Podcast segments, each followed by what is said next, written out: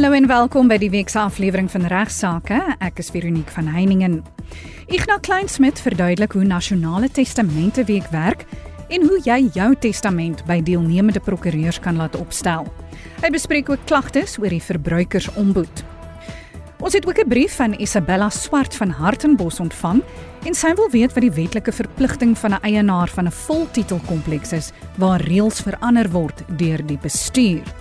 Sy sê daar's mense wat hulle huise gedurende vakansietye verhuur en pensionaarsse en veral ook ander inwoners wat hulle sente omdraai. Nou word hierdie inisiatiewe nek omgedraai. In die tweede deel van die regsaake sluit Martin Besuidenhout vir die eerste keer by my aan. En Martin is 'n direkteur by Van Velden Duffy Prokureurs in Rustenburg en hy spesialiseer in eise teen die padongelukke fonds.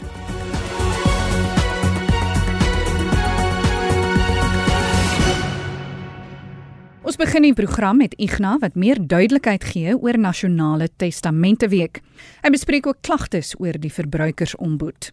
Ja, hartlike goeiemôre aan aan die luisteraars. Dankie dat jy ingeskakel is. Dis nou al September. Vir my altyd is September 'n maand wat weer dui op nuwe lewe. Alles begin weer groei. Dis 'n maand van blomme en bloeisels. Kyk maar net om hier rond, pragtig en weer 'n nuwe hoop vir ons almal. Nou luisteraars, die nasionale Testamente Week van 2023 wat deur die Prokureursorde van Suid-Afrika aangebied word is hierdie jaar vanaf 11 tot 15 September. Dis volgende week van Maandag tot Vrydag. En gedurende hierdie week kan u 'n Nuwe Testament laat opstel gratis by deelnemende prokureurs. Almal neem nie deel nie, so jy moet maar net gaan vasstel in die omgewing wat 'n prokureurs vir u kan help en 'n afspraak maak en dit gaan totaal en al gratis wees. So dis 'n manier wat uh, ons die reg vir u meer toeganklik maak van die prokureursorde se kant af. En onthou daar die uh, prokureur mag nie aandring daarop dat hy of sy as eksekuteur aangestel word nie. Hulle moet vir u afskrif van u testament gee wat hulle opgestel het. En natuurlik sal dit ook gepaard gaan met 'n verduideliking van die terme van daai testament as orde. Dan het ons by regsaake baie gereeld klagtes gekry oor die verbruikersombud. En die meeste klagtes gaan daaroor dat dit blyk dat die luisteraars nie tevrede is met die feit dat die verbruikersombud nie bindende beslissings kan maak nie.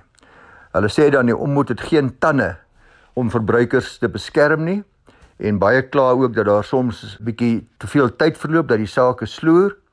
Nou luisteraars op aanlyn forums en sosiale media is daar ook baie gruwe deur ontevrede verbruikers Hulle sê dat mense wat kansse vat en verbruikers verkil en verneek word eintlik maar geïgnoreer omdat die instelling wetlik geen mag het om bevindinge af te dwing nie.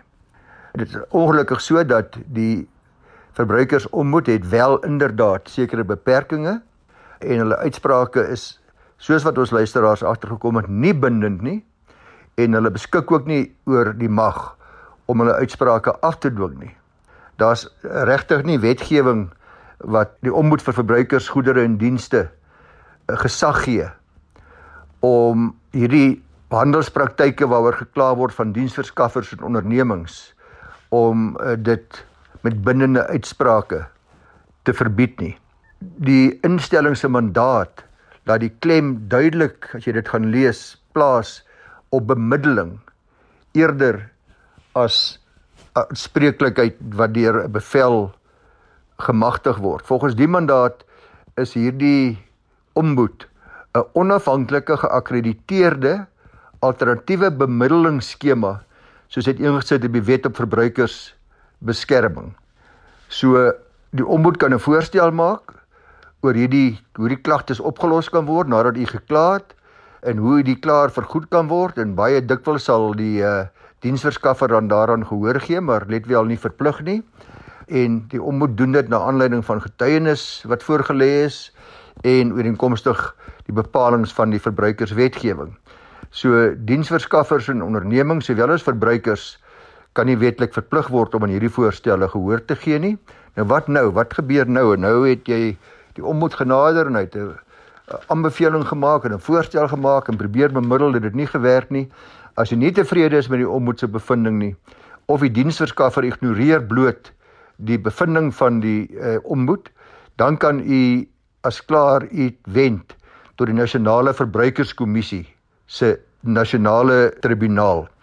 Dit is gevolge die verbruikerswet moet verbruikers ongelukkig eers by die ombudsman aanklop alvorens u 'n hof mag nader om u regte af te dwing teen 'n diensverskaffer as u dink dat u regte geskend is of dat u skade gelei het. Maar gelukkig en dit is die goeie nuus vir ons luisteraars is omtrent 50% van die gevalle wat na die ombud verwys word word inderdaad opgelos omdat die diensverskaffer hulle self daaraan gebonde ag en daarop reageer. Die ombud het ek vasgestel ontvang amper 900 klagtes per maand waarvan hulle sê dat hulle sowat 57% daarvan het wel 'n positiewe uitkoms deur middel van bemiddeling gehad. So dis daarom goeie nuus sodat help wel om hulle te nader en as jy dan nog steeds nie regkom nie, dan is daar die hof vir klein eise wat jy moet onthou van. As jou eis minder as R20000 bedra, dan kan jy jou wend tot die hof vir klein eise. Dit is gratis, jy het nie 'n prokureur nodig nie. Natuurlik is daar die risiko dat die voorsittende beampte nie die verbruikersregte goed ken nie of dat jy nie tevrede is met die uitspraak nie, maar ek dink wat verbruikersake betref is dit 'n baie goeie forum om te gebruik. As jy eis minder as R200 000 is, jy gaan dit na die plaaslike landdroskantoor toe en daar sal u vra vir die persoon wat met die hof vir klein eise se aangeleenthede werk en hulle sal vir u behulpsaam wees om die aanmaning en dan later die sonderhede van vordering op te stel en vir u sê presies hoe dit beteken moet word en later sal jy 'n datum kry wat u dan in die hof vir klein eise moet verskyn. Baie prokureurs tree dan ook op as voorsittende beamptes en hulle doen dit gratis en is deel van ons diens aan die publiek. Nou let wel, daar's ook verbruikershowe in sommige provinsies. KwaZulu-Natal en ek weet Gauteng het 'n uh, verbruikershowe wat ek verstaan uh, baie suksesvol is wat deur verbruikers uh, geprys word. Nou as jy verbruiker in daardie twee provinsies liewers na die verbruikershof toe wil gaan, is jy welkom. Dis blykbaar relatief vinnig en 'n goedkoop opsie. En dis ook 'n opsie wat is 'n hofbevel wat afgedwing kan word deur die balie as die verskaffer nie daarop reageer binne 7 dae na die beslissing nie. So luisteraars dan nog 'n wenk dat die ombudsman vir verbruikersgoedere en dienste het ook 'n app ontwikkel waarop die verbruikers per selfoon of tablet klagtes kan indien. So gaan gerus is 'n gratis app wat jy kan aflaai. Verbruikers sal steeds klagtes ook via hulle normale webwerf per e-pos of telefonies kan indien, maar ek dink dit is soveel makliker om liewers die gratis app af te laai as u wil kla oor swak diens van 'n diensverskaffer. Ek gaan bespreek nou 'n luisteraarsbrief wat Isabella Swart van Hartenbos vir ons gestuur het. Luisteraars, ek noem dit maar weer dat die doel van hierdie program is nie om prokureur te speel vir individuele luisteraars wat probleme het nie. Ek kry lang ingewikkelde regsvrae van luisteraars wat duidelik al besig is met litigasie en ek kan nie help dan nie en ek gaan ook nie help as jy reeds 'n prokureur het nie. In elk geval is die gedagte dat ons dan as u navraag van algemene belang is, dat ons dit dan sal bespreek en gewoonlik is dit 'n hele rukkie nadat u die navraag gerig het.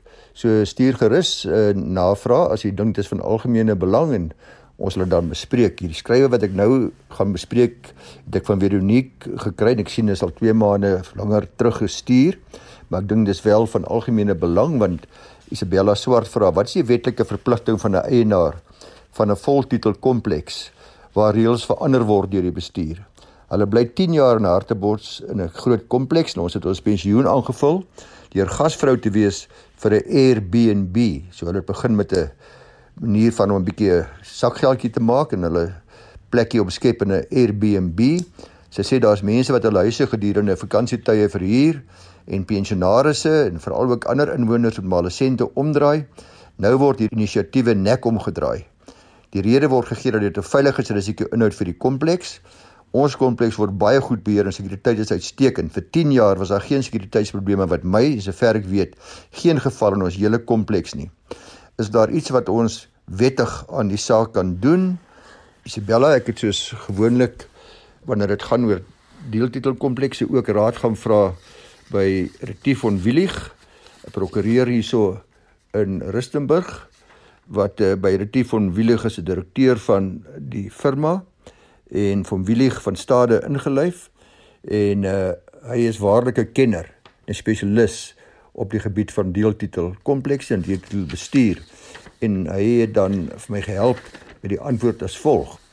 Onder andere dat jy meld dat dit 'n voltitel kompleks is en dan lei ons daaruit af dat 'n huiseienaarsvereniging uh daar bestaan en u is natuurlik 'n lid daarvan en gewoonlik in so 'n voltitel kompleks sal 'n huiseienaarsvereniging dan alle gedragskwessies in die kompleks beheer.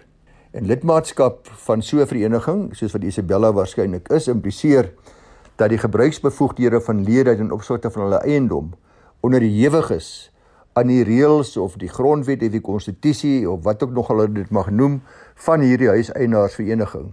Hierdie reëls kan natuurlik altyd verander word en dis die vraag wat Isabella vra op die wyse wat in daardie reëls voorgeskryf word. Dit kan nie vir ewig geld nie, daar moet 'n manier wees waarop dit verander kan word en die reëls sal bepaal hoe dit gewysig kan word.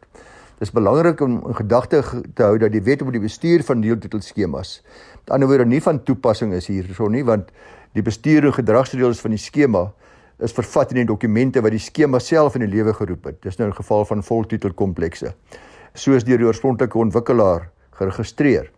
Nou uit die vraag van die luisteraar blyk dit dat die trustees of bestuursliggaam nou reëls wil instel wat hierdie eienaars verhoed om hulle eiendomme op 'n korttermyn basis is nou as 'n Airbnb of vakansie akkommodasie te verhuur, maar let wel, die trustees en die bestuur kan nie self besluit dat eienaars nie hulle eiendom mag verhuur nie. Uh, dis nie hulle besluit nie. Die reëls van die huiseienaarsvereniging ter opsigte van die gebruik van die eiendomme as 'n Airbnb of 'n vakansiebehuising sal bepaal wat die wettige posisie is en dit kan deur 'n spesiale besluit van die eienaars geneem word. Indien nie dis nie gewone besluit nie, 'n spesiale besluit indien die eienaars dan deur middel van 'n spesiale besluit wie reeds besluit het dat die eiendom nie meer as 'n Airbnb of vakansieakkommodasie gebruik mag word nie, sal die gebruik dadelik gestaag moet word. As jy egter wil hê as daar nie so 'n spesiale besluit is nie, dan kan u self aanvra vir so 'n spesiale besluit om dan die reëls te verander om te sê dat daar wel 'n Airbnb of vakansieakkommodasie moontlik is in u kompleks. Neem ook 'n gedagte natuurlik luisteraars dat 'n Airbnb in die verhuur van vakansieakkommodasie normaalweg neerkom op die bedryf van 'n besigheid. En as jy mooi kyk na die huiseienaarsvereniging se reëls, is die kanse baie goed dat daardie reëls nie gaan toelaat dat daar enige besigheid in die skema bedryf word nie. So die reëls gaan nou nie spesifiek verwys na Airbnb of na vakansieverhuuring nie, maar as die reël sê dat daar nie 'n besigheid bedryf mag word nie, dan is jy daaraan gebonde. Die munisipale sonering van 'n eiendom is natuurlik ook belangrik want dit moet voorsiening maak dat daar van die eiendom af 'n besigheid bedryf kan word. Net soos wat ons in gewone huise woon, is daar sekere huise waar daar die sonering nie toegelaat word vir besigheid nie en ander wat daar wel munisipale sonering vir besigheid moontlik is. Gevolglik glo ons dat die reëls van die skema jou waarskynlik nie sal toelaat om 'n besigheid te bedryf nie of dat die munisipale sonering van die eiendom dit waarskynlik nie gaan toelaat nie en dan sal u die eiendom net op 'n langtermynbasis kan verhuur of natuurlik self voltyds daar moet bly en u is reg dat gewoonlik is dit veiligheidsrisiko's en nakoming van reëls en ander oorwegings wat 'n rol speel om te bepaal of 'n uh, Airbnb en verhuuring aan vakansiegangers of dit gewens is.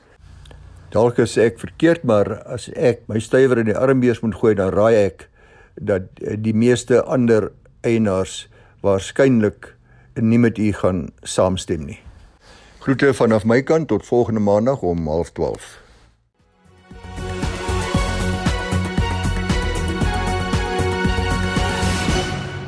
Jy's terug by regsaake op RSG saam met my Veronique van Heiningen. Prokureur Martin Besuidenhout sluit vir die eerste keer by regsaake aan die week. En Martin is 'n direkteur by Van Velden Duffy Prokureurs in Rustenburg en hy spesialiseer in eise teen die padongelukke fonds. Baie welkom Martin.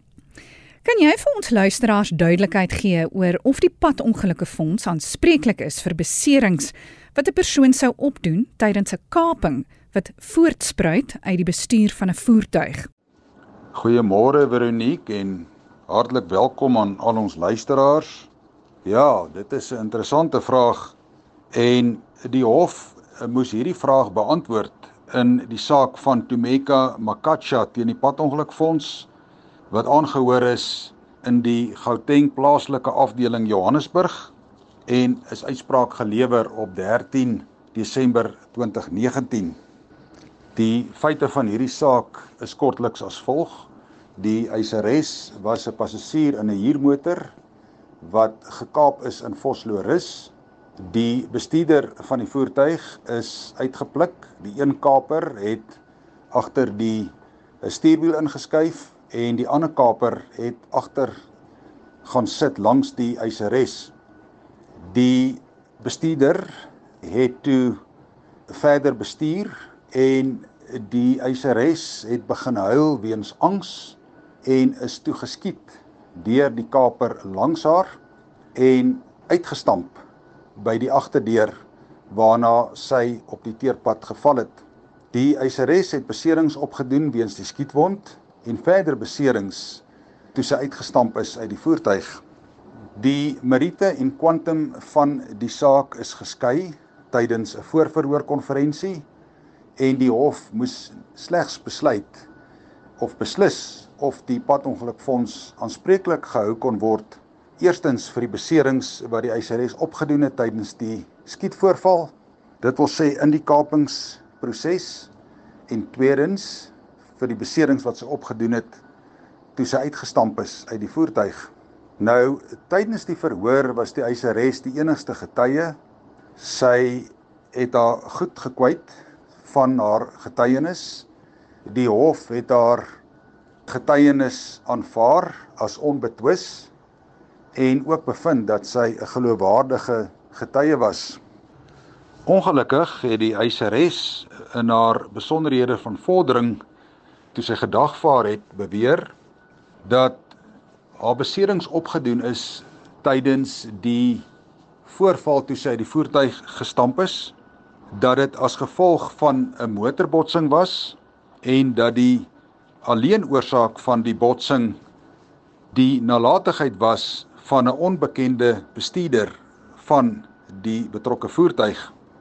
Die padongelukfonds het gepleit en ontken dat daar enige motorbotsing plaasgevind het, soos wat die eiseres beweer het, dat die voertuig stilstaande was, dat die versekerde bestuurder nie in daardie voertuig was nie en dat die eiseres se beserings voortgespruit het uit 'n aanval en nie uit die bestuur of die nalatige bestuur van 'n voertuig nie.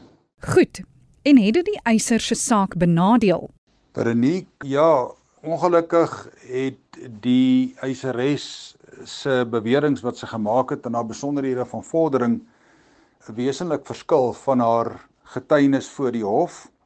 Maar die hof het ook gekyk na ander faktore Die eiseres het egter 'n skriftelike verklaring afgelê nog voordat sy gedagvaar het waarin sy die presiese omstandighede van die voorval, dit wil sê die kaping, die skietvoorval en toe sy uit die voertuig gestamp is, breedvoerig uiteengesit het. Die hof bevind dan dat hierdie eetsverklaring ooreenstem met haar getuienis voor die hof en dat die padongelukfonds dus nie benadeel is deur die foutiewe beweringe wat sy gemaak het in haar besonderhede van vordering nie. Het die hof toe bevind dat die padongelukfonds aanspreeklik is? Die eiseres se eis teen die padongelukfonds is ingestel in gevolg artikel 17.1 van die padongelukfonds wet wat bepaal dat die padongelukfonds aanspreeklik is vir skadevergoeding ten opsigte van beserings of dood wat veroorsaak is deur die nalatige bestuur van 'n motorvoertuig deur 'n bestuurder of eienaar wat geïdentifiseer is. Verder in gevolge regulasie 3 van die padongelukfonds wet is die padongelukfonds ook aanspreeklik indien die eienaar of bestuurder van sodanige voertuig nie geïdentifiseer is nie.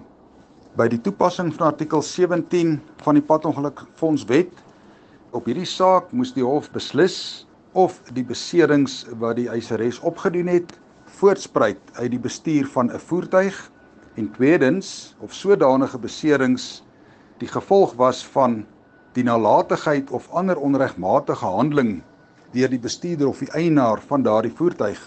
Die hof moes besluit of dit kon voortgaan om die saak te beslis op die ware feite voor die hof soos wat die eiseres getuig het ten spyte van die verskille in haar besonderhede van vordering en moes ook 'n besluit neem met betrekking tot die toepaslikheid van artikel 17.1 van die padongelukfondswet ten opsigte van voorvalle soos hierdie. In die toepassing en interpretasie van artikel 17.1 van die padongelukfondswet onderskei die hof tussen die beserings wat die eiseres opgedoen het soos volg.